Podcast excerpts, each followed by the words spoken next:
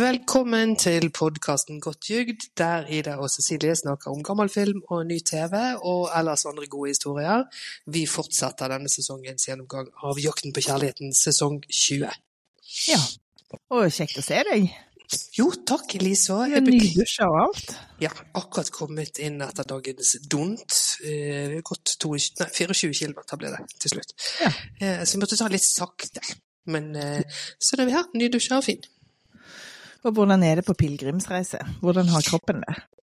Kroppen har altså Jeg har Det er så irriterende. Nå er dette syvende gangen vi gjør dette her. Og Ja. det at jeg fremdeles får gnagsår, det Jeg orker ikke stå i det engang. At jeg ikke har lært bedre.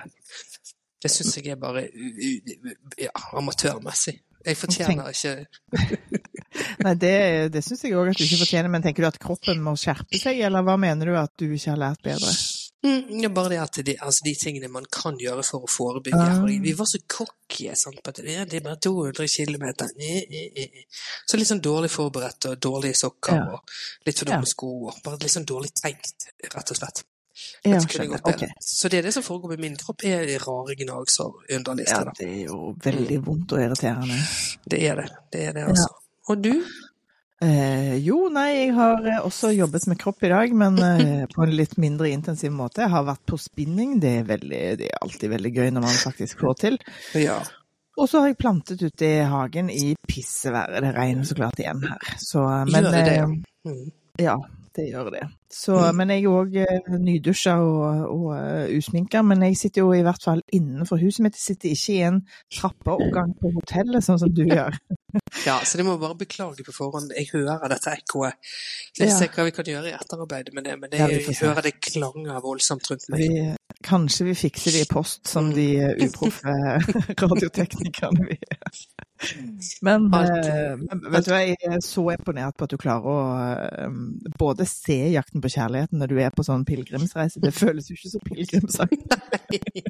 Nei da, se det gjør ikke det. Men eh, jeg og alle våre ti lyttere er veldig glad for at du prioriterer det. Det er Altså, helt ja, det, supert. altså, det syns jeg er helt topp. Og jeg har jo en mann som liker å se på sport, sånn at vi driver litt med hver vår skjerm eh, på ja. tidspunkter der det passer seg når liksom vi har wifi. på. sånn. ja. Ja, men nå sa jeg jo ti lyttere, men vi har jo fått, vi har fått flere lyttere siden sist. ja, Ja, det jo det. minst, minst én frier lytte, det vet du hva, det var så stas at jeg holdt på å trille av sofaen. Men to friere og én bonde? Ja ja, som følger oss, Ja, men vi, ja. vet jo, vi har jo bare liksom eh, Nei, ja, to, Ja. to av frierne har, eh, Ja, har lytta. Det har vi fått. eh, Altså, det er så, så gøy. Jeg blir så Det glad er av det. Ja. Ja, det er kjempegøy, og det gjør meg jo òg så klart akutt bevisst på at vi må huske at det er faktisk Mm. mennesker vi snakker om. Det er det. Og der har jeg, jeg har to disclaimer å komme med Ja. som jeg har tenkt på. Eh, jeg har en på vegne av meg sjøl, fordi jeg husker sist gang så sa jo jeg at jeg har aldri jobbet i selskap som har laget jakten. Ja, for det er jo Momstad Monster som lager den. Ek, Ja. Eksakt. Det var nettopp det. Så jeg tenkte jeg måtte, så jeg måtte oppklare det. Fordi Ja. at eh, Freemantle, som har den lisensen og som har laget det etter de tok den over fra eh, Nordisk Film eh, når Freemantle ble opprettet i Norge, har slått seg sammen med Monster. Altså Freemantle International, ja. International har kjøpt opp Monster og Strix og eh, Rakett og, og Novemberfilm. De har Ja. da gått inn i samme selskap, og så ble det underlig at de også da skulle ha et produksjonsselskap som het eh, Freemantle, og samtidig være eierne. Så de har da nå gått inn med Monster. Så derfor så er den sluttplakaten nå Monster.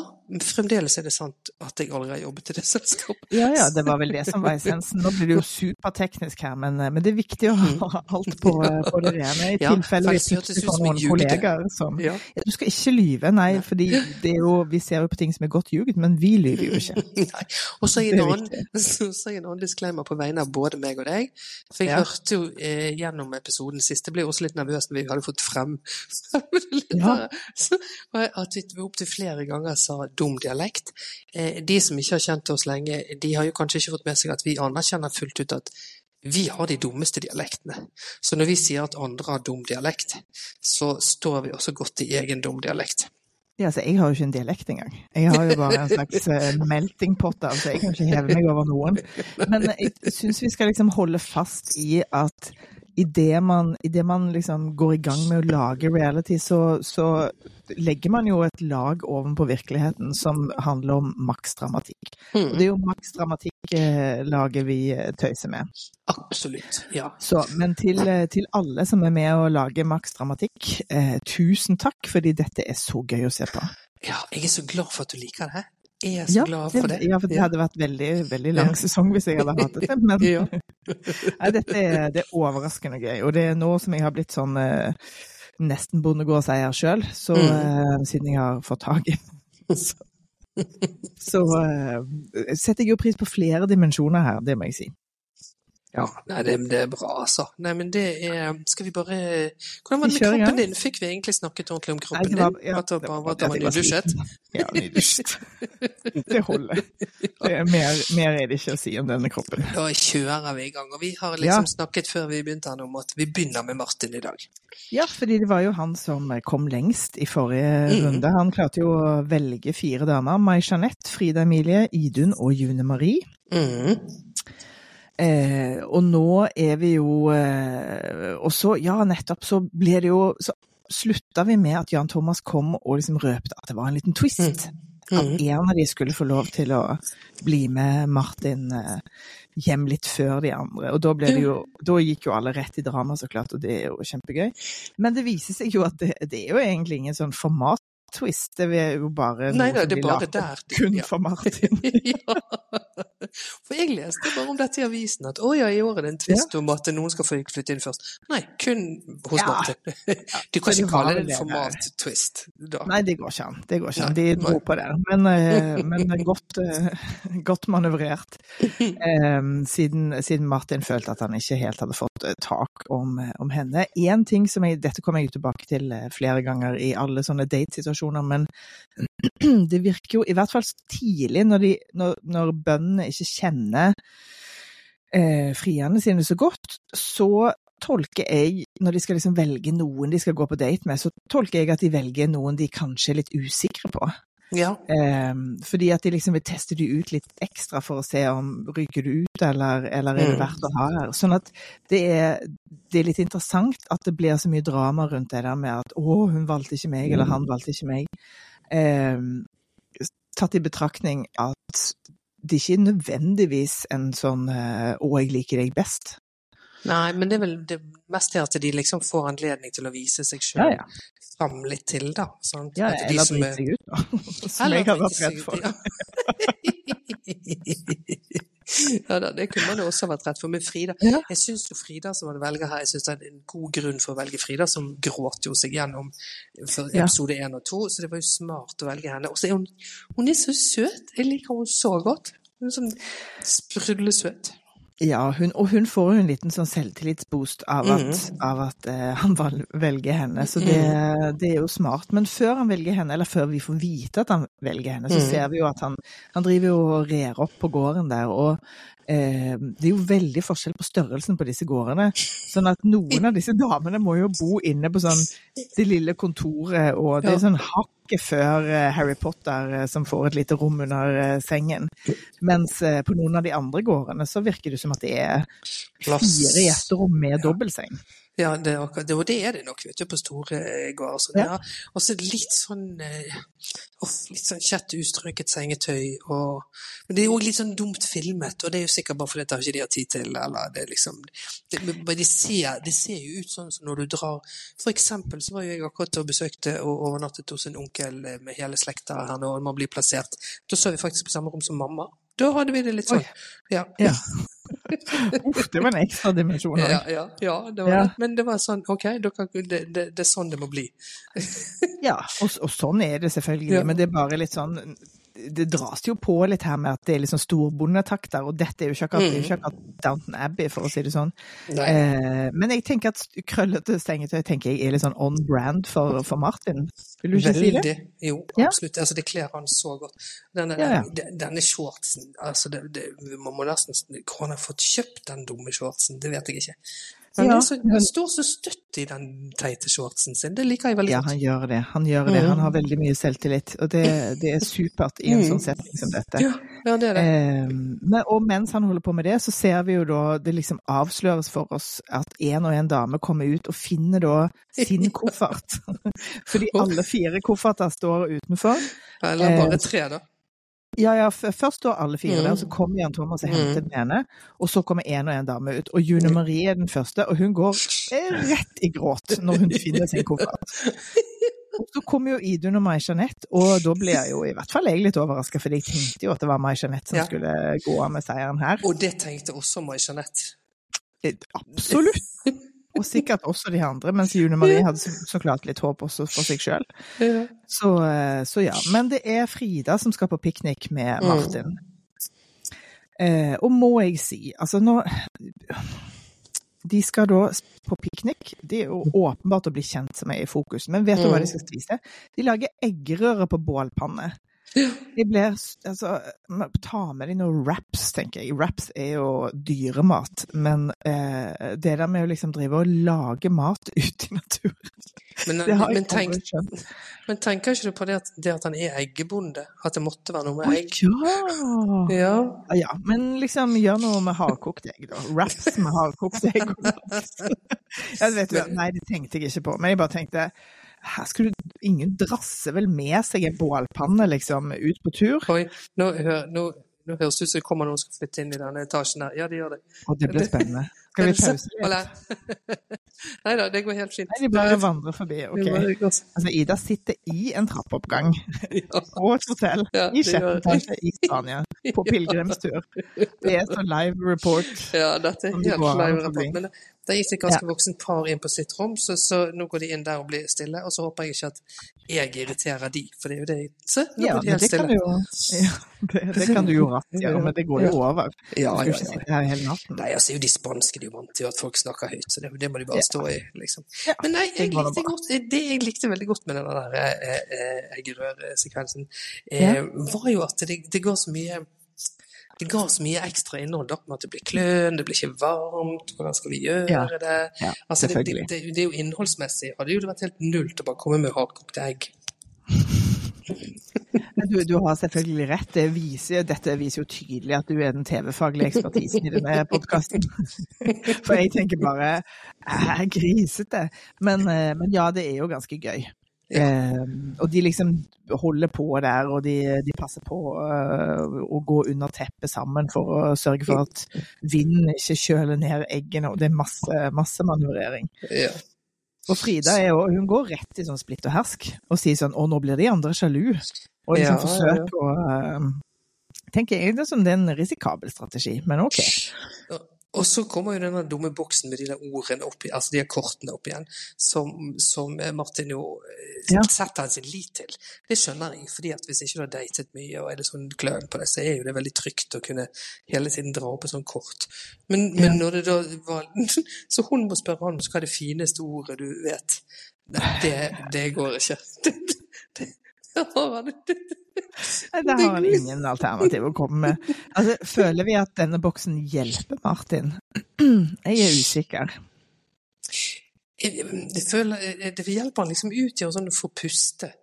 Eh, Ja, det var ikke min feil. Det var ikke jeg, å ja, det ble dumt, men det var ikke jeg som bestemte det. Det var jo bare et sånt kort. Eh, liksom. så, Ja. så du får litt tid til å puste sjøl. Altså, hvis de syns det er teit begge to, så kan man jo bare Nei, det er sant. Ja. Det er sant. Ytre fiende. Ja, Ja. Det er det, altså. Så, og så kommer jo disse andre.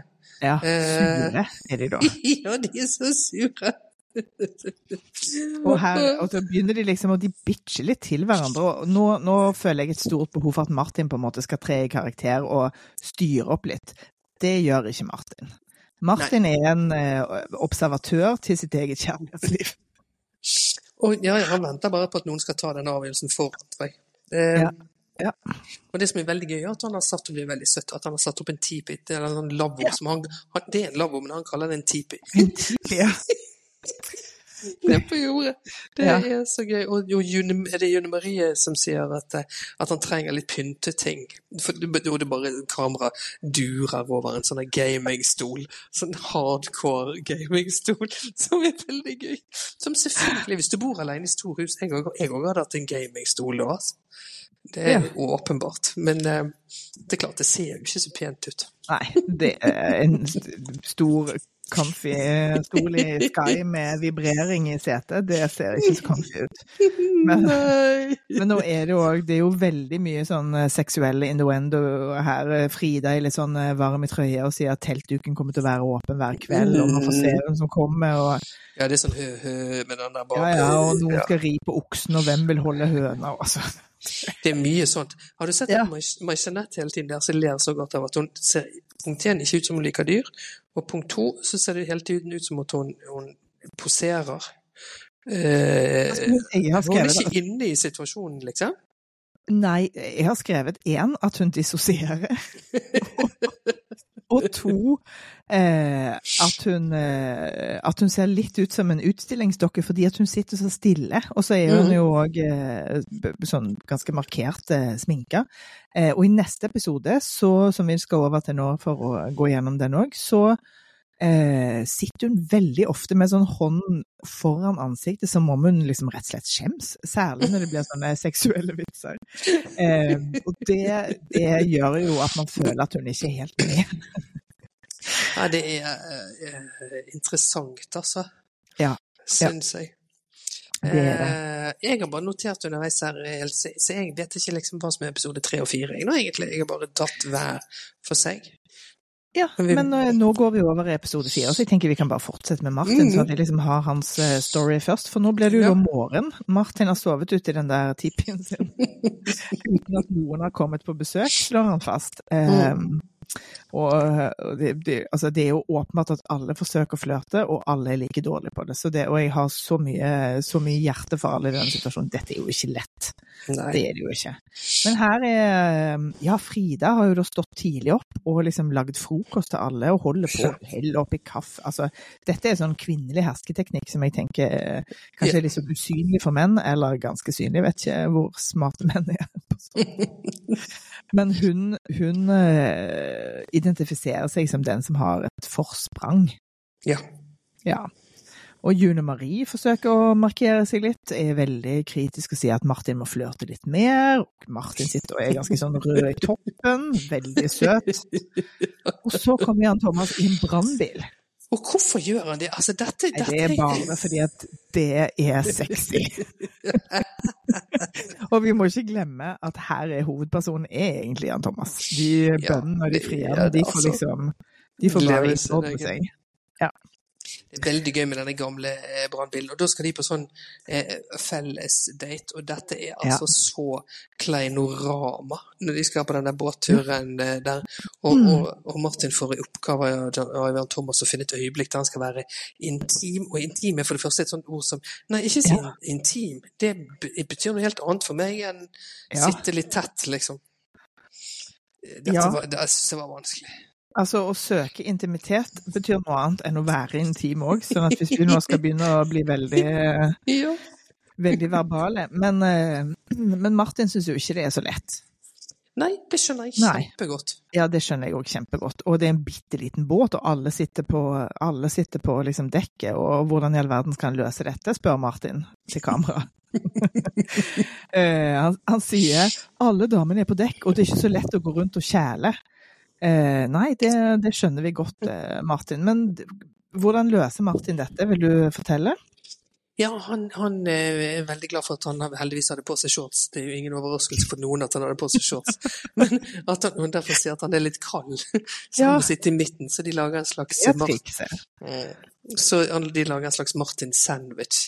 Også En slags Martin taco. En fajitas. ja, og så er det mye sånne der bilder av hender på lår og Altså, her blir det så kleint. Og nå, nå begynner eh, Mai Jeanette å ha sånn liksom et par fingre opp i pannen som en sånn liten uh, skyggelue. Eh, og, og dette er det internasjonale tegnet for nå er jeg så flau at jeg nesten holder på å gå hjem. og, så, og, og flauere skal det bli. Flauere skal det bli. Eh, men det ja, ja, skal vi hoppe rett dit? Ja, jeg tenker det. Vi bare går Ja. rett dit. Jeg må bare si at, at eh, altså Jeg føler 120 med Mai-Jeanette her. Jeg, ja. fordi at det er veldig lett å se på henne som den som er utenfor, siden hun er så annerledes. Alle de andre Mm. er jo super-game og driver og piller på, på shortsmannen. på, på litt sånn eh, antatt romantisk vis. Eh, sånn at hun, hun fremstår jo som så veldig annerledes og litt sånn prippen. Men herregud, hvem hadde ikke vært akkurat på denne måten? Så jeg mitt hjerte blør for deg, må jeg Ja, da, altså, det er ikke noen ting å, å skamme seg over å være litt eh, for sagt i denne situasjonen her. Nei. Det minner meg for øvrig om eh, Jeg hørte det var veldig gøy, for det hørte jeg på Aftenpodden. Jeg må bare ta en liten sidestrek her nå. Ja. Der det var sånn grusomt under valgkampen at Olaug Bollestad hadde alle partilederne i Stavanger og skulle få alle til å synge Tore Med Tang. Tang? Ja.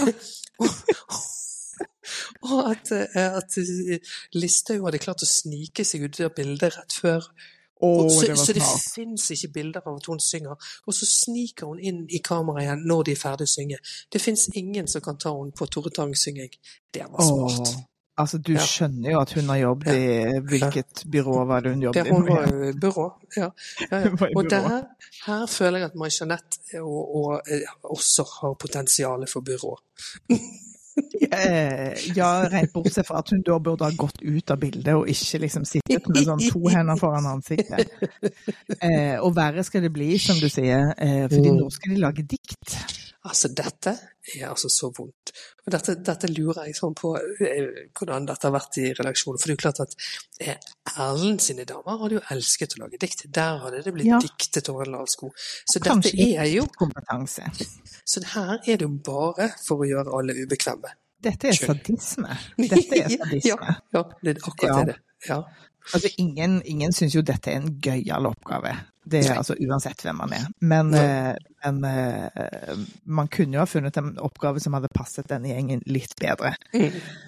Eh, men her går Mai-Jeanette er også her litt sånn festlig, fordi at hun Jan Thomas sier at dere kan vinne alenetid hvis dere liksom har det beste diktet. Og da er altså mimikken til meg, Jeanette, så rart, og det kan være at det er klippet sånn. Men for hun driver og sånn hever med øyenbrynene og liksom ser sånn helt månebedutten ut. Eh, men hun hever på øyebrynene når han sier alenetid, ikke når han sier dikt, hvis du skjønner. Ja. Sånn at men det, kan, det kan være noe usynkt, som bare ikke planlagt. Ja, eller planlagt. Eh, men alt dette bidrar til at hun ser så Hun ser ut som hun ikke vil være der. Det er vel den enkleste måten å si det på. Ja. Det er absolutt det det ser ut som. Og så får de ti minutter til å skrive et dikt om Martin. Og jeg ble, jeg ble helt svett av det. Det er så sadistisk. Altså, du har helt rett. Det er det rette ordet Ja, for det er ikke greit, altså. Um, altså, June Marie begynner med en gang å reflektere. Kan jeg plagiere et annet kjent dikt? Eh, og liksom Mai-Jeanette sitter og tenker hm, hvilken punchline skal jeg finne? Sånn at man tenker bare sånn, vet de hva et dikt er for noe? Kjenner de format? Jeg blir veldig, veldig nervøs. Mm. Eh, skal de lage limerick? Å ja, Idun går faktisk for en limerick. Ja. Eh, men, men ok, la, la oss ta det i rekkefølge, fordi vi begynner med Frida. Mm. Og hva slags dikt har Frida i det? Du, det er rosen er rød, fiolen er blå. Og så typ to linjer til. Ja. Det er det hun klarer å klemme ut av seg. Eh, Så nå er vi på sånn minnebok. Vi er i det- minnebokland. Ja, Det det er det det. Men de har jo sagt til alle sammen, og Martin har jo også sagt fy flate for den oppgaven. Nei, nå føler jeg med dem. Dette er helt grusomt. For han Og ikke, det er jo ingen av disse menneskene som har noe lyst til dette. ikke sant? Så det skjønner jeg, og det skjønner jeg òg kjempegodt, at ingen av de vil. Absolutt. Eh, jeg er jo sånn et konkurransemenneske, så jeg gikk jo med en gang i gang med å tenke hvilket dikt hadde jeg eh, skrevet. Eh, og jeg må innrømme at jeg hadde ikke kommet på 'Roser, fioler er blå, fordi jeg tenker at det ikke er et, at det ikke er et dikt. Men nå blir jeg liksom. veldig teknisk igjen. Ja, det er mer som en minnebokstrofe. Men ok, tre stykker av de går for den strofen. Og Idun som går for et limerick. Og så kom Idun med limerick. Shout-out til Idun for eh, egen tenkning. Ja, altså limerick eller en slags prosadikt, eller en Altså på en måte er det kanskje en aforisme, for det er jo nesten bare to setninger. Eh, Ja, det følger vel ikke helt limerick-formatet heller. nei, det gjør ikke det. det er akkurat det. Hun sier at det er limerick, men hun vet åpenbart ikke hva limerick er. Nå, nå kjenner jeg veldig på at vi har, eh, vi har lest for mye litteratur, men, eh, men nei, altså det, jeg blir så svett av bare å tenke og snakke om dette, fordi jeg syns så synd på dem. Ja. Men da, eh, i hvert fall, det ble tre rosa røde og én eh, limerick. Og så skal da Martin på basis av dette velge en date. Og hva gjør han da, Ida? Du, da blir det My Skjønnhet, som min svigerinne kaller henne. My skjønner.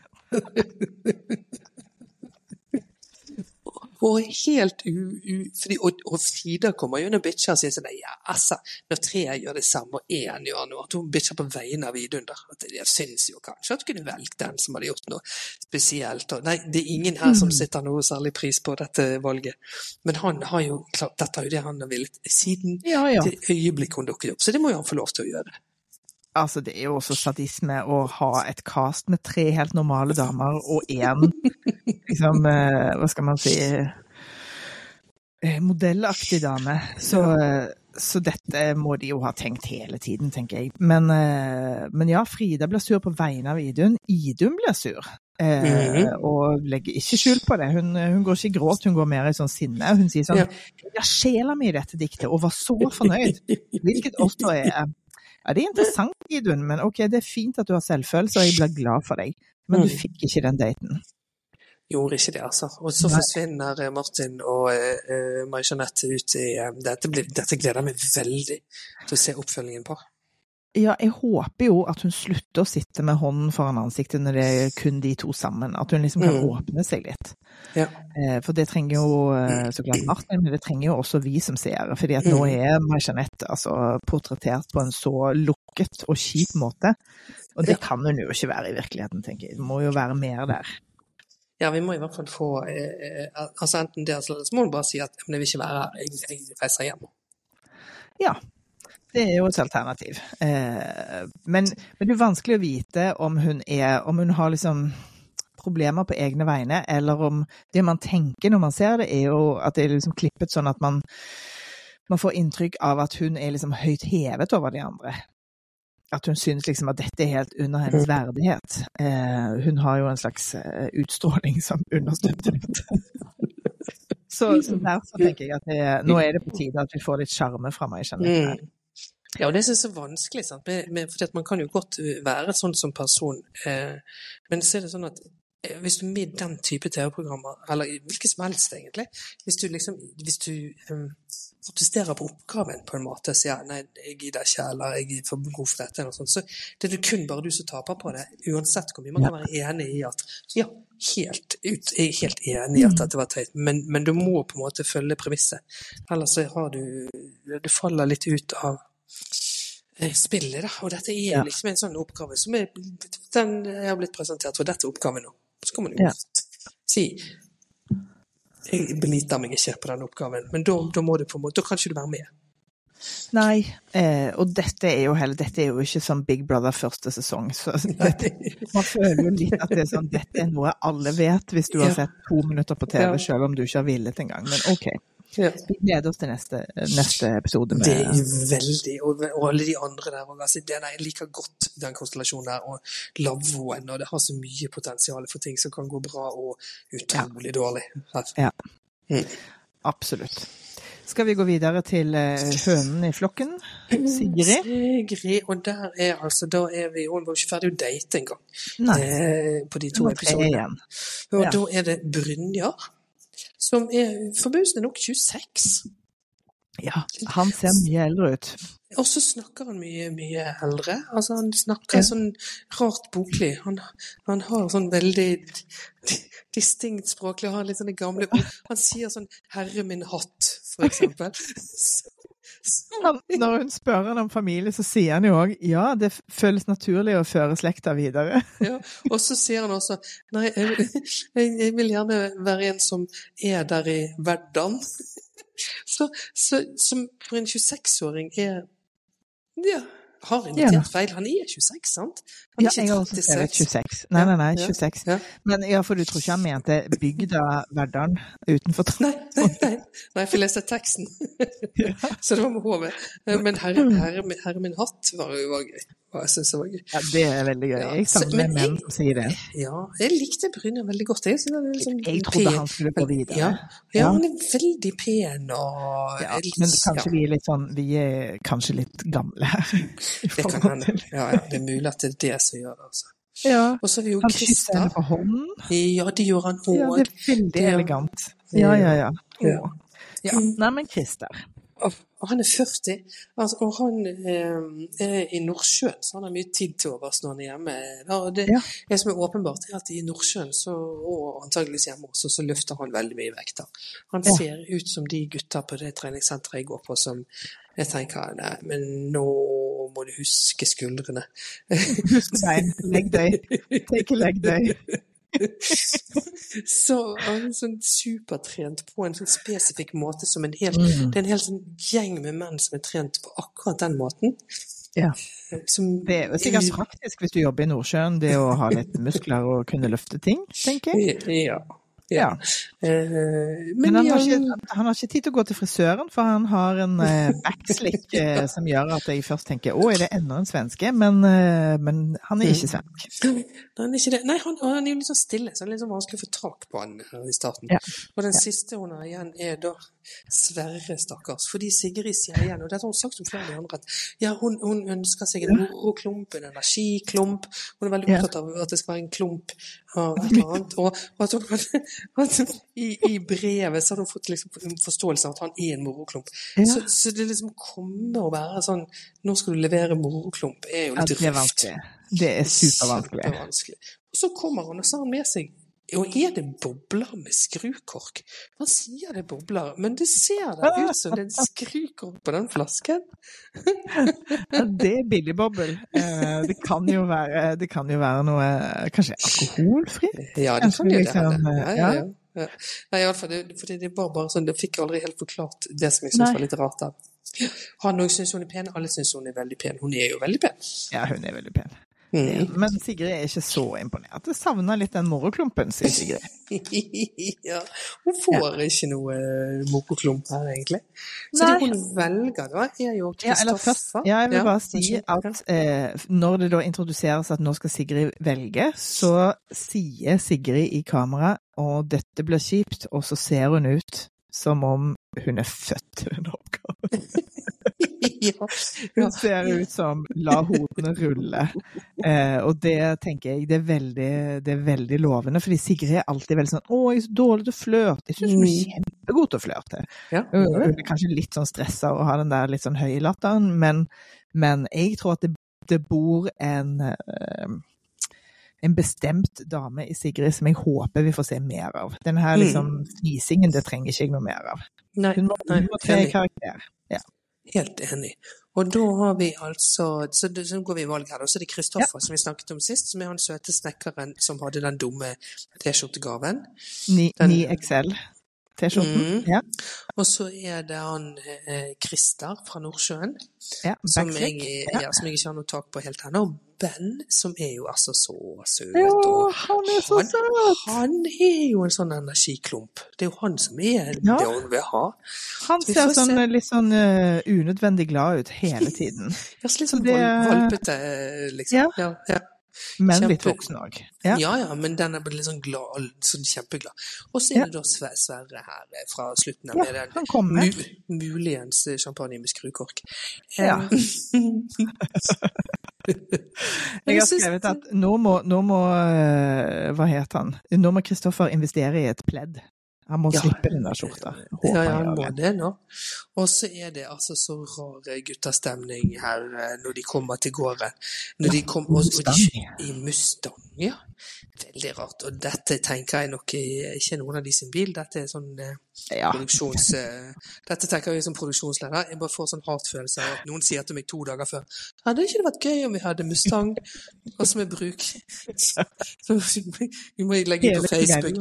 Kjenner jeg noen som har en Mustang fra Det er jo det er overraskende at det ikke er Jan Thomas som kommer i Mustangen, men de har kanskje lånt den et par dager, så kanskje, kanskje vi får Jan Thomas i jo- Han kommer jo i sin egen bil, den oransje. Ja, gjør jo det. Ja. Eh, Ja, ikke sant. Eh, Men det er altså så kult når de kommer frem på der som denne gården. Dette er jo er veldig intellektuelle mennesker her. Det er bøker overalt. Så Ja. du at Arne Jacobsen, Eggestolen, sto der? Altså, her, her er det mm, eh, Dette er et møblert hjem, men eh, mitt spørsmål er Bor egentlig Sigrid der? Jeg tror at hun har flyttet hjemmefra. Hun har jo en ordentlig jobb og et ordentlig liv. Og så har hun nå flyttet inn hjemme hos foreldrene sine Ja, for å liksom absolutt. Det agere ja, det kjennes hjemme dette. Det er foreldrene sine. Hun bor hjemme, helt Mm. enkelt. Men hun Ja, har vokst opp i dette hjemmet. Det har hun. Det har hun. Mm, mm. Ja, ja. Og her er det, her er det dobbeltseng til alle. Å, det er så fint, altså. Mm, Ja, Kjempefint. ja, ja, ja. ja. Nå vil jeg jobbe. Nå vil jeg gifte meg med Sigrid. ja.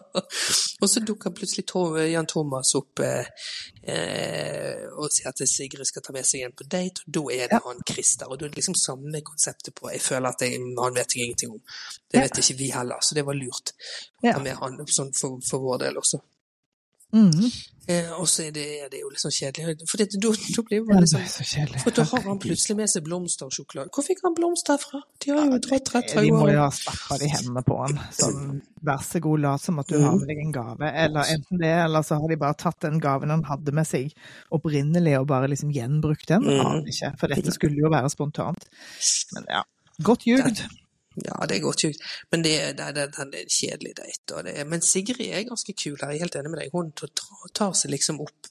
Ja. Eh, nå skal jeg bare avbryte litt og si Dette ser ikke de som hører på oss, men Cecilie ser det, du sitter i mørket hele tiden. Ja, fordi, fordi at jeg sitter i en sånn gang som har sånn spansk lys. Så Nå hvis jeg reiser meg nå, så kommer lyset på igjen. Så hvis jeg sitter stille for lenge, så blir det helt mørkt rundt meg. Jeg har bare forsøkt å liksom ignorere det, så tenkte du holder Ja. på med ditt. Men, eh, men fint, du må liksom bare strekke Det på er deg sånn når man må man må. gjøre hvis man sitter litt for lenge på do i Spania. Så Ja, må er man også reise seg litt. For da hadde det blitt mørkt. Det er kanskje det første helsetegnet. At du må liksom eh, Du må jobbe med fiberinntaket.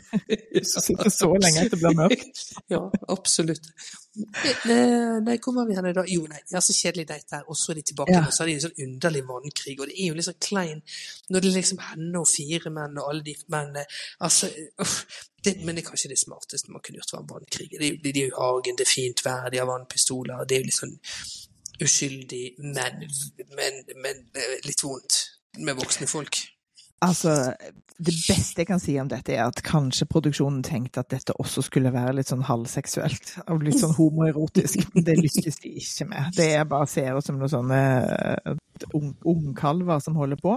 Og Sverre er da plutselig veldig sånn positiv, og jeg tenker bare du ryker ut først, Sverre. Jeg, jeg har ikke noe tro på deg her. Du, Jeg tror eh, òg at Sverre dessverre ryker eh, her, også. Sverre dessverre, kaller vi han fra nå av. Ja, det gjør vi. Dessverre Ja. ryker først. Mm. Ja, ja. ja. Ok, det var den gjengen. Skal vi ta Ja. sine? sin Nå eh, tar vi Erlend. Ja. Altså. Der, altså, dette er jo så røft, altså, for nå, nå kommer de ut her, nå, de spanjolene, Ja. så nå blir det litt bråkete. Sånn. ja, OK. Skal vi pause litt? Ja, vi kan, vi kan bare sitte her og nyte nå det spanske. Nei, det, det er kjedelig radio. i dag. Okay. Nei, nå kommer det noen inn. Det var ikke de som kom ut. Hola! Hola! Men det kommer-! Det, det går fint, det, altså. Eh, Men vi kan, dette kan vi klippe, kan vi ikke det? Ja. Nå, vet du hva? Nå kan jeg bare bruke en sånn transition. Ja, nå er vi tilbake igjen. All right. Eh, da er vi. Erlend. Og den starter jo, altså, for han var jo, ble jo aldri ferdig med disse sine. Eh, Så, så da er det altså date igjen med Kristiane, som Ja. når vi gikk ut av episode to, jeg sa at hun ser jo helt normal ut. Det viser seg ikke normal i det hele tatt, for hun må Nei, hun jorde seg. Hun er Ja. så hun skal jorde seg inn i daten, så hun må liksom ta på jordet. Altså, da kjenner jeg, da får jeg sånn nøsen-angst. Eh, ass, orker ikke. Folk skal jorde seg. Nei, nei. Men, eh, men Erlend er jo òg litt nøsen. Han er jo også Ja, litt ja, ja, ja. Det er det. det er det. Jeg må trekke meg sjøl ut av dette. Han, Ja, ja, det er helt perfekt for han. Nemlig. Eh, sånn at i, i Erlends univers så er jo disse damene superrelevante. Ja, absolutt. Og så, her vil jeg berømme musikkbruken, for det er veldig gøy. For det her er litt, sånn alternativt trommer, men så driver man den jordingen. Litt Ja. sånn eh, sånn som man holder på med sånne Og så, men så har hun jo også på seg co- cowboyboots, så på et tidspunkt så er det liksom over i helt streit countrymusikk og sånn. Som jeg syns er veldig gøy. En gøy Ja. Det er noen som har jobbet kreativt i, Ja, i det er gøy. Men med hun sjøl, da. Så det er en gøy kombo å være sånn nøsen, nøsen med cowboyboots. Ja. men hun er veldig søt. Jeg liker hun kjempegodt. Altså, hun er så ja, det er sånn du tenker menneske ut. Så du sett hun på toget hvis du var i trøbbel med, med noen du ville komme deg unna. Så du satt ved siden av henne. Ja, ja, absolutt. Mm. Hun er jo, eh, men hun er en dame med mange lag, fordi som du sier, det er det her spirituelle og eh, cowboybootsene. Og så ble hun jo introdusert til oss i forrige episode eh, som hun som var utrolig begeistra for å få lov til å kline med bart. Silje? Ja. Tar vi opp nå? Ja. Det var bra. jeg ble så, jeg ble så nervøs. Hei, spør heller en gang for mye. Men det, altså det teller i hvert fall. Så eh, det får jeg jo bare anta. Ja da, det gjør Ja. det. Det gjør det, vet du. Det er bare det at jeg som sitter i den dumme gangen. Jeg blir så stresset. Men ja, fare. tilbake. Kristiane. Vi liker Kristiane. Det er egentlig konklusjonen. Ja. Mm. Og så har vi Vera på 26. Dette er liksom den siste daten hans, som er hun med veldig, veldig fine, eh, distinkte krøller. Hun er nordlending, tror jeg da. Jeg skjønner jo Jo, ikke dialekten. Hun er det, men med litt rar dialekt. Men også Ja. men det er veldig rart at hun er seks år, sånn akkurat var to år på folkehøyskole. Ja. Men altså, er ikke denne gjengen liksom en, en søkende de, de søkende sjeler, liksom? Så det er vel Mm. ikke så rart, egentlig, at de har eh, prøvd litt forskjellig, tenker Det var veldig seint å gå på folkehøyskole. Du er 24? Ja, jeg, jeg skjønner det, men jeg tenker hun er nok en sånn som liksom, har brukt litt tid på å finne ut hva hun egentlig vil. Ja, det er sant. Hun er, hun er jo helt nydelig. Og hun er også hun er veldig glad i å luke. Ja, jeg har lyst til å gifte meg med Vera. Oh. Kom hit, Vera. Her skal du få lov til å ha en økologisk gård eh, helt på egen. Altså, alle, alle med gård vil jo gifte seg med Vera. Absolutt. Eh, de diskuterer litt dette med alderen, fordi Erlend er jo 40, og hun er 26. Hun er den Mm. absolutt yngste. Eh, så, snart, så husker ikke hvem av de som tar opp dette, men den diskusjonen går jo ingen veier. Det er bare åpenbart at Erlend syns det er helt greit at hun er kjempe. Eh, Og hun, syns okay. det ikke det er noe stress at han er gammel, så det, det førte ingen steder. Nei. Eh, Nei, fordi når man er 26, så tenker man jo ikke på at de 14 årene ser annerledes ut når man er liksom eh, 40. Men okay. Men, men det som er veldig gøy etter det, er at hun sier Nei, jeg tror vi hadde kjemi. Eventuelt så var han bare høflig. Det er en moden betraktning, for den har jeg brent meg på eh, også i år. Så. Men heldigvis kunne Erlend bekrefte at han følte kjemi, og det er jo deilig. Det er det. For da er det altså sånn at valget som vi nå kommer til her nå, det blir Vera, selvfølgelig. Og Ja, men det før, ja. kan jeg bare få si at Ja, ja. det som er gøy med Vera, er at hun før valget flagger med et stort smil at hun er supersjalu. Og jeg tenker uff, du har kommet på rett sted. Ja, men Dette hun ble valgt. Ja, hun ble valgt. Silje ble valgt, det var hun med sjokoladekake. Det er hun som ser helt normal ut og har beige klær. Ja, det er hun beige, veldig beige. Og så er det Mariell, som, som er jo den som mener at Erlend er garantert mann i hennes liv. Ja, hun er veldig intens. Det er litt skummelt. Og så er det Kristiane. Ja, hun, med, hun som vil kline med bart, og som har jordet seg. Ja. Og med cowboystøvletter. Ja. Så, så det, det er jo en interessant gjeng. Nei, og skal vi se her da Ja, de som røyk ut der. Det var litt forbausende, for er hun Merete, hun som var den første, hun med den røde Ja. kjolen. Ja. Det, det, så så bra ut der. Syns Men du det-? Men hun men de- hadde jo barn og var seks år eldre enn han, så det var ja, jo det var liksom der det gikk. Det gikk ja. Men hun ble ja. kjempelei seg. Ja. Så det var dumt. Og Ida, som er hun, eh, hun som var litt sånn 'jeg trenger motstand', eh, Ida, for å si det sånn. ja. Mm. Eh, hun ble rett og slett litt snurt, og jeg liksom sånn, ønsker de lykke til på en måte som gjør at man tenker oi, oi, oi, ikke, punk ikke punkter bilen til noen. ja. Og så er det altså så utrolig eh, søtt, for da, skal, da går han eh, Erlend ut på engen og skal plukke, plukke sånn syv sorter blomster til hver av dem, fordi han har lest at hvis du har det under hodeputen, så drømmer du om den du skal gifte deg med. Altså her må jeg bare skyte inn. Dette gjelder kun på sankthansnatten. Det er sånn den historien Ja. er. Det er ikke en hvilken som helst natt Nei. skal han drive med de blomstene. Pluss at det er jo òg veldig sånn eh, Hva skal man si de, de skal jo ikke sette sitt vannglass på De skal jo er Under puten, ja. Mm. Nei, og, og så tenker jeg at det er ganske Hvis man nå tror på denne magien, da, hvis man skal liksom legge, legge breisida litt til, så tenker jeg at det er betydningsfullt at det er den som skal drømme, som har plukket det. Men kanskje han bare vil at de skal drømme om ham? Ja, som han har eh, fire damer på, eh, på geledd. Ja. Det er jo så Mariell syns det er helt vidunderlig. Hun skal gjøre det hver natt. Hun skal bare Hun drømme. elsker selvfølgelig dette. Det er Mariell som eh, kjører bil når de fire damene kommer ja. kjørende. Og hun blir vettskremt av en elg som går over et jorde ganske langt vekke. Så jeg tenker she's in for a treat med å bo på, på landet. Men hun er glad. Den eneste som ikke er så glad, det er Vera, som friker litt ut av at det er så mange damer der. Ja, hun syns det er stress. Hun er jo en del Ja. sånn annen type. Ja, hun, hun er litt sånn spennende. Altså, hun, Mm. er, um, hun er sånn alternativ. En sånn, hun er en annen generasjon enn meg, så hennes alternativhet forstår jeg ikke helt. Nei. Hvis du skjønner hva jeg mener? Så, Ja. så der er jeg litt sånn spent på å lære mer. Det, jeg tenker vi kommer til å se denne siden av Vera blomstre ut i løpet av de neste episodene. Det gleder meg veldig til. Nei, jeg òg gjør det. Altså, dette får en fest. Ja, det er som en fest.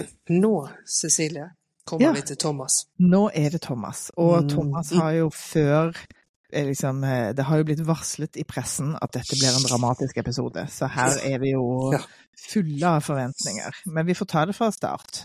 Vi tar det fra start. Thomas Altså. valgte jo forrige gang, så vi har jo Mhm. eh, fire stykker. Det er Kristoffer som er han thaibokseren, Henning Mm. eh, som er han med brillene som ikke er så glad i dyr. Mm. Eh, så er det Roy som er sørlendingen, som har hvite tenner. Eh, og er Martin, som er 26. Ja. Husker ikke, så han er, ja, han er jo utmerker seg mest med at han er litt ung.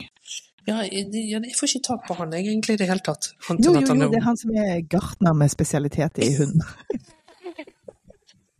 Det er veldig, og han er jo ganske morsom, så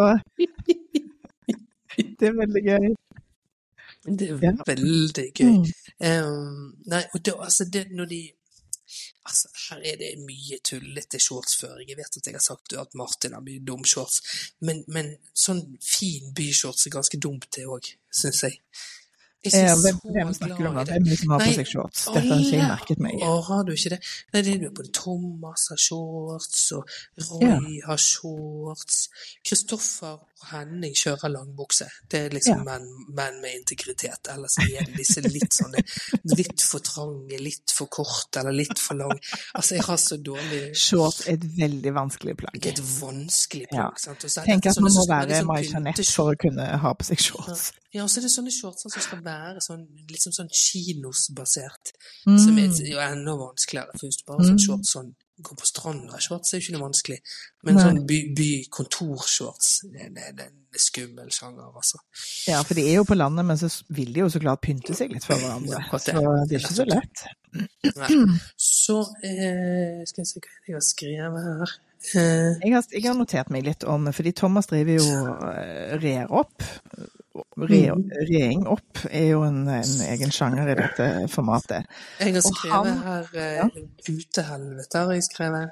Ja, jeg har skrevet eh, hesten rip-off, fordi at det er noe sånn Jeg tror ikke det er hestens senger, fordi at i så fall så har han brukt en Mye formue på gjesterommene sine. Men han har liksom sånn eh, blåruta sengetøy, og så har han mye sånn gøyale pynteputer av noe jeansstoff, og eh, det er når jeg kommer på hotellrom som ser sånn ut, så er det første jeg gjør å liksom bare kaste av alle putene. Ikke minst fordi jeg tenker noen andre har ligget og hatt sex på disse putene. Jeg vil ikke, jeg vil ikke, jeg vil ikke være i nærheten av dem. Selvfølgelig er det ikke sånn hjemme hos uh, Thomas, eller hvis, hvis, noen har hatt sex, så er det vel han. Men, uh, men det er veldig sånn hotellstemning på en måte som, som, mm. ikke er så positivt for meg. Men han er jo interiørdesigner, så dette er vel, dette er vel det han gjør. Han er liksom kanskje spesialist i pute. Ja, det er jo no, det er, de holder jo på med pute. Altså De som ja. kan interiør, driver jo med pute. Jeg òg kaster jo det vekk så fort jeg får anledning til det. Ja. Og så skal også sies når jeg prøver å kjøpe pute hjemme, da får jeg bare sånne puter som det kommer fjær ut av. Jeg blir dritsur.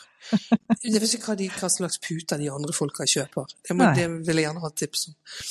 Altså, jeg, jeg, jeg, jeg, si, jeg er veldig glad i puter. Jeg har masse puter hjemme, men, men jeg driver ikke og liksom det som er viktig med pute, er at det ikke matcher, tenker jeg. Altså Hvis det er sånn ton i ton-pute, da blir det hotellstemning. Hvis det ser ut som om eh, Andy Warhol har liksom spraya malingsspann over hele stua di, da sånn ser det ut hjemme hos meg. Men, eh, men jeg er ikke mot puter, men det er liksom den der gjennomførtheten som, eh, som, ser litt eh, voldsom ut. Er det flere spanjoler i oppgangen hos deg nå? Ja, nå de pyntet seg gikk ut, og det luktet helt nydelig av de, og de var sånn spansk pyntet. Jeg sitter her i en, en en fysjbukse og ull-T-skjorte uten bh, så jeg føler ikke jeg er så reff puter. Jeg er dårlig på pynt, både av meg sjøl og hjem. Men du, du, ser sikkert ut som en pilegrim, og det er, det, det er jo det du vil det er det vi får håpe at ja. de liksom kommer unna med det. Ja. Men det, det, det, som er fint nå, er jo at det plager de ikke inne på rommet deres med å sitte irriterende ute i gangen og snakke. Så det var fint. Eh, det, det som Her vil jeg igjen berømme musikkbruket her nå når vi er ferdig med interiøret her nå. For det er liksom én ting som jeg ikke helt skjønner hvorfor Roy kjører alene til gården. Men ja. så er det de andre, altså Kristoffer og eh, Henning og Martin kjører da i den De, de, de kjører sammen i en bil. Ja. Her kommer Lady Gaga, Boys, Boys, Boys, og det er altså så jeg kan, ikke, jeg kan ikke få sagt nok hvor bra jeg syns det er. Det er så godt valgt. Ja. Og så har jeg skrevet her 'Kristoffer er nydelig'. Det er, helt random, det bare kommer. Jeg vet, Det er ikke relasjon til noen ting, men han er helt nydelig. Ja, han er det. På alle mm. mulige måter. Mm. Eh, men altså, rett helt fra start så er det, det er mye dyr på denne gården. De der bikkjene, han har åtte hunder, de går helt amok. Det er alpakkaer, det er hester, det er et esel. Jeg er for nesten alt dette, men jeg skjønner veldig godt at Henning er Han syns det er overveldende. Han sier ja. det, er mye, det, er mye, folk og fe. Og det er, jo, det er, jo, vanskelig å protestere på det. Ja. Det, det, er så mye forskjellige dyr. i hvert fall det, altså, Sånn hundegård med åtte hunder Nå liker jo ikke hund verken på den ene eller den andre måten. Nei. Men eh, sånn, det er hunder som står og bjeffer mot sånn gjerde, kanskje minst sjarmerende, jeg kan tenke meg. Ja. Det Henning ikke vet på dette tidspunktet, her, er jo at det skal bli enda verre. For det er også sånn hund som er under kjøkkenbordet, som blir skal du ha? Så blir det litt sånn mating. Altså, min, min forakt for hund er jo vanskelig å stoppe her. Dette, dette er jo, Jeg innser jo at dette programmet er i, det, i deg det er noe galt med. Det er ikke programmet eller hundene, men det blir mye. Ja det blir mye. Men i denne ja. sammenhengen Jeg kan kompensere litt, fordi jeg er jo mm. glad i hunder. Men jeg syns også at det er mye. Med åtte hunder på en gang, så føler man jo litt at man er på sånn sydenferie og er alene og skal tilbake til hotellet, og så kommer det en sånn gatehundgjeng og skremmer vekk av deg.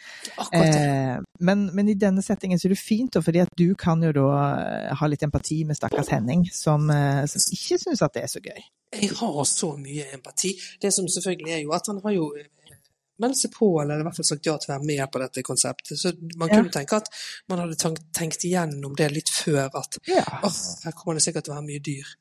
Ja. Um, men, uh, men, det er jo noe annet enn å Når man først står der man vel, altså Hvis man ikke er sånn som meg Jeg vet jo at jeg ikke er noe glad i dyr. Hvis du tenker at ja, dyr er vel greit. Og så står du der plutselig konfrontert med åtte hunder og en lama, liksom. Så han er jo ikke noen ungsau, Henning. Så han er jo liksom eh, på vår alder, han er 49, mm. så, mm. så, eh, man tenker jo at han hadde lært dette om seg sjøl, men han reflekterer jo på et senere tidspunkt, så sier han jo 'jeg er interessert i går'. Nei, unnskyld. 'Jeg er interessert i bonde, jeg, men ikke går'. Så han er, han er kanskje en som bare ikke har skjønt at dette er tvangsekteskap med, med mm. du, du, gifter deg egentlig med gården. Ja, men, ikke sant. Det er det. Ja. Eh, og Roy, stakkar, som, som er jo litt sånn sjenert. Så på et tidspunkt så går de andre videre, så blir han sittende alene inne på kjøkkenet med, med en hund. Ja. Og så sier han at jeg gruer meg litt til å ta, måtte ta plass. Ja. Og da Mhm. blir jeg òg litt sånn breaking heart, fordi at det, ja. dette er jo en gladiatorarena. Det er jo ikke noe Nei, det er røft, altså. Ja, det fins ingen mercy her. Men Thomas tar jo litt sånn grep her og inviterer med seg Roy, som, Ja. som jo har, har vært sånn sjenert i bakgrunnen hele tiden, og på daten i tillegg. ikke sant? Og så skal Ja. de jo plante og luke, for da er det lettere å prate. Det er jo det alltid. Det er jo samme som å koke mat sammen. Da har man Ja. sånn rom for å snakke. Og det har de jo en veldig fin prat, egentlig. Som jeg jo blir jo veldig nysgjerrig for å høre mer om. Ja. Med, med en sånn prat om uh, at det er liksom røft å være skeiv eh, på Sørlandet-prat. Mens Ja. Thomas, som sier at han kom ut av skapet så seint Som Ja. også er mye, mye der som er spennende, som jeg gjerne skulle høre mer om. Men det får vi kanskje etter hvert. Kanskje det. Eh, jeg merker meg jo at Roy også er glad i å luke, så Roy er jo nå på listen over, ting, over folk jeg skal gifte meg med.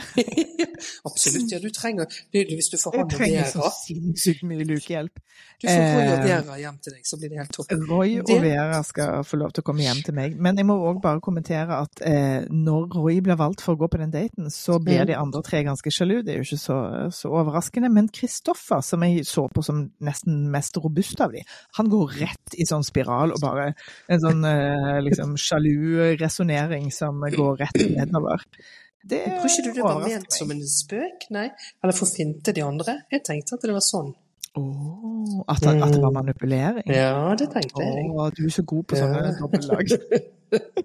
Jeg tenkte det, men tenkte du på en annen ting? For dette, dette, her følte jeg på sånn egen produksjonsangst.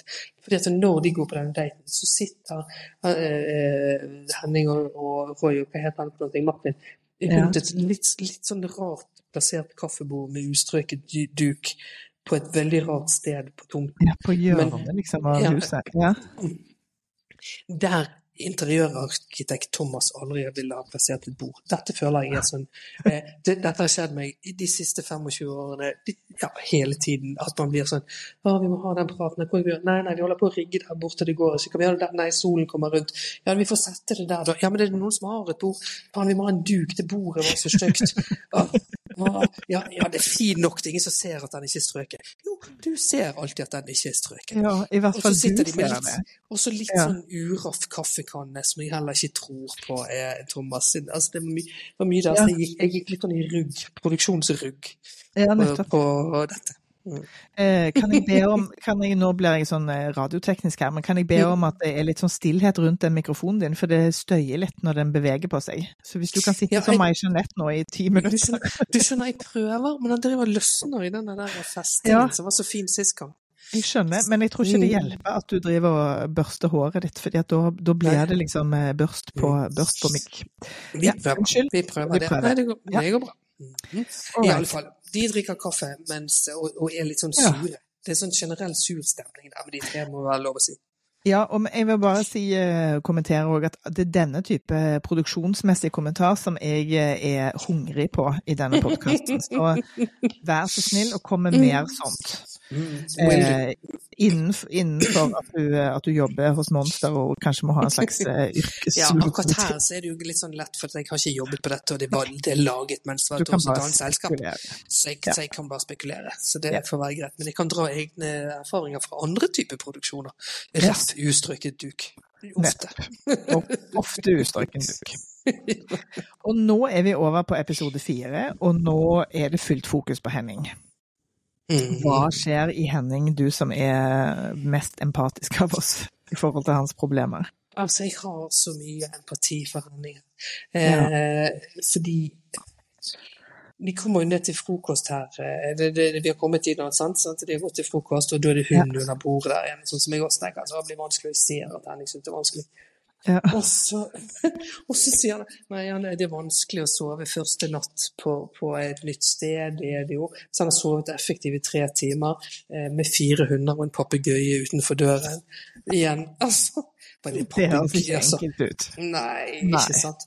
Så, og så har de en sånn prat rundt frokost om at han skal synge på Pride, og så blir det en sånn rar prat om, at skal om man kan danse. Sånn at fra den syngingen til dans, det skjønner jeg ikke. Men Kristoffers selvfølgelig, som er jo så innmari deilig, jeg må være lov å si. Han kan selvfølgelig også danse tango.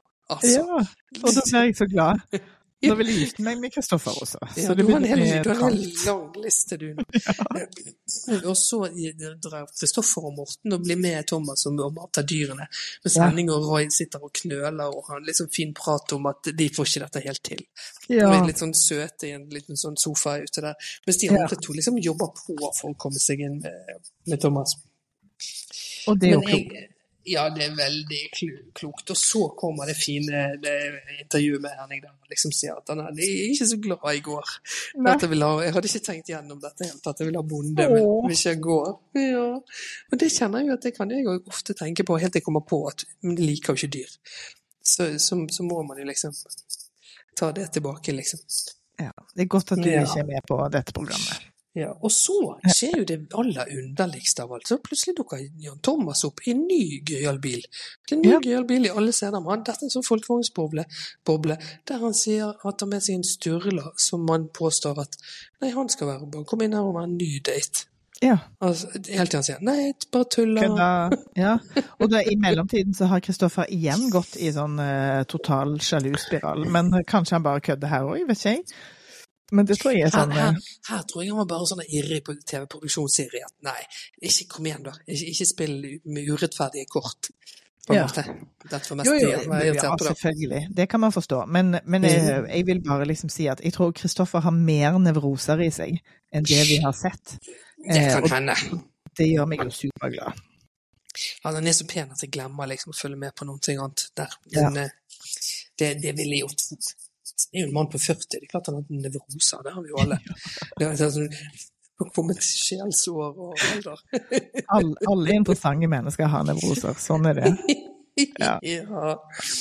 Og så kommer jo det litt sånn moment der med Henning og Thomas eh, prater, og, og finner ut at Jan Thomas sier at men du må finne ut om du vil være her. Ja.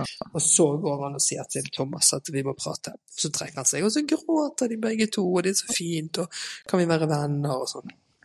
ja, jeg får lyst til å gi Henning en klem. Og så får jeg ikke si sånn Henning, vi er for gamle for dette. Vi må finne på noe annet. Fordi det, det er ikke greit å sove med fire hunder og en papegøye utenfor eh, døren. Nei. Nei, det er ikke det. Og det er òg det tøft å være den eldste, den desidert eldste. Liksom en, eh, han kunne vært faren til Martin, som er 26. Men du er bare to Eh, år eldre enn Thomas, da skal sies. Ja ja, jo jo. Mm. Men, eh, men Thomas er jo en annen, i en annen posisjon i spillet. Ja da, det er sant. Det er sant. Så ja. Men det er mye gråting. Henning gråter, Thomas gråter. Mm. Um, ja. Hun er så søt! Og så Ja. håper han på kjærligheten videre, og så sier han plutselig at han er alene i ni-ti år, og så er han 49. Og jeg tenker jo litt på at Unnskyld. At eh, når jeg var 49, så møtte jo jeg eh, min mann, og da tror jeg at jeg hadde vært alene i 16-17 år, da. ja. Men jeg føler liksom at vi er liksom på samme sted, jeg og Henning, som Ja. jeg var når jeg var 49. Så det du forsøker å si, er at hvis, eh, hvis Henning bare går en liten pilegrimstur i Spania, så kan han finne en ire og gifte seg med. Kanskje ikke akkurat Henning ser ikke ut som en, en fyr som hadde syntes det var stas. Og mye sovesal og sånn, så da kan det bli litt vrangt. Men noe annet, liksom. Plutselig så bare Jeg hadde jo ikke tenkt at det skulle bli noe kjærlighet. Så jeg tenker at eh, 49 er ikke nødvendigvis cut-off age for noen. Nei, det, det er fint eh, notert. Og du er jo Mm. nygift, så du er jo liksom litt sånn eh, problematisk høy på eh, kjærligheten. Men Det er litt vi, høy. vi trenger dette. Jeg kan ikke eh, komme med noe tilsvarende, så vi trenger det perspektivet. Tusen takk for det. Ja. Men jeg, har- jeg har jo en mer sånn molefonken, melankolsk kommentar her. At det, altså, det er lett å liksom heve seg over det faktum at man gråter og er liksom lei seg for å gå ut i et konsept som er så åpenbart eh, sjekkete, og de har ikke vært der mer enn en dag eller to. Men det, dette er jo parallellen til kjærligheten i, i alle situasjoner at for at det skal kunne funke, så må man gå inn i det med hele seg og bare Mm. satse alt og være maks sårbar. Sant? Og det må jo de Mm. gutta her òg, og jentene. Alle må liksom bare Mm. Tenke at dette kan, kan bli. Mm. Eh, Og derfor er det vondt, så klart, når det ikke går allikevel. Det er forferdelig vondt. Og så skal man liksom stå i at noen andre skal se på egen sårbarhet, og det er jo, den er jo vanskelig nok å stå i mot seg, altså bare i, i, i forhold til seg sjøl. Å måtte stå i at man er sårbar. Så liksom andre skal se på, og verden skal se på, så er jo det, det er kjempetøft. Det er så Ja. tøft å tørre å gjøre, syns jeg. Ja. Det, jeg hadde aldri våget. Nei. Nei. Ikke jeg heller. Nei. Nei, men det var episode tre og fire, og nå er det Det jo altså det. så mye nå å se frem til. Jeg ser frem til Vera og lukingen Ja. hos Erlend. Det gleder jeg meg masse til. Og sjalusi. Og sjalusi. og sjalusi. Det blir gøy. Det blir eh, fint å se hvordan Sigrid håndterer det når de liksom, at hun kan få liksom kustus på Jeg tror at hun blir litt tøffere, liksom. Ja. ja. Mm. Martin sine, ja der blir det veldig spennende hvordan det går med meg Jeanette og den daten, om hun liksom åpner opp der. Hun er jo definitivt ikke Per nå har ikke hun stilt med åpent hjerte. Nei. Nei. Nei, og, om Martin klarer liksom omprogrammere den der åpenbare tiltrekningen, sånn at de Mm. andre får en sjanse. Fordi det, det føles jo uh, fair å gi de andre en Mm. sjanse òg. Eh, og det er jo eh, Det ser ikke helt ut sånn. Og hva, hva tenker Nei. vi om Thomas? Hva, eh, Altså, jeg, men dette, det, det er jo litt fordi at jeg sjøl blir så innmari begeistret. Men jeg kan ikke forstå annet enn at det må bare være det, altså, Kristoffer har, er, det er på walkover, liksom, til Kristoffer, dette. Men det kan jo hende at det viser seg andre ting i det i Roy og eh, Hva heter han? Martin? Mm, ja, jeg tenker at Mm. Martin, eh, Martin eh, har en fordel med at han eh, er så morsom. Det tenker jeg er Mm. hans store eh, fordel her. Og så skal vi ikke glemme at Thomas syns at Roy er veldig, veldig kjekk. Det var det, var det han sa. Ja. Og jeg tror det var derfor Roy kom med, fordi han gjorde jo en en Mm. veldig taus date. Eh, Så jeg Mm. tror han er med fordi at Thomas har en genuin eh, mm, attraksjon. der, ja. Men ja, Kristoffer tenker jeg er den som har mest å spille på. Eh, Og er litt sånn i førersetet og kan, kan matche Thomas litt. Sånn ser det ut nå. Men dette er jo en TV-produksjon, så vi får se. Vi får se hvordan det blir. Vi gleder oss til neste uke i alle fall. Det blir spennende. Ja, Vi ses da neste uke. det gjør vi. Ok, Ha det bra. ha det.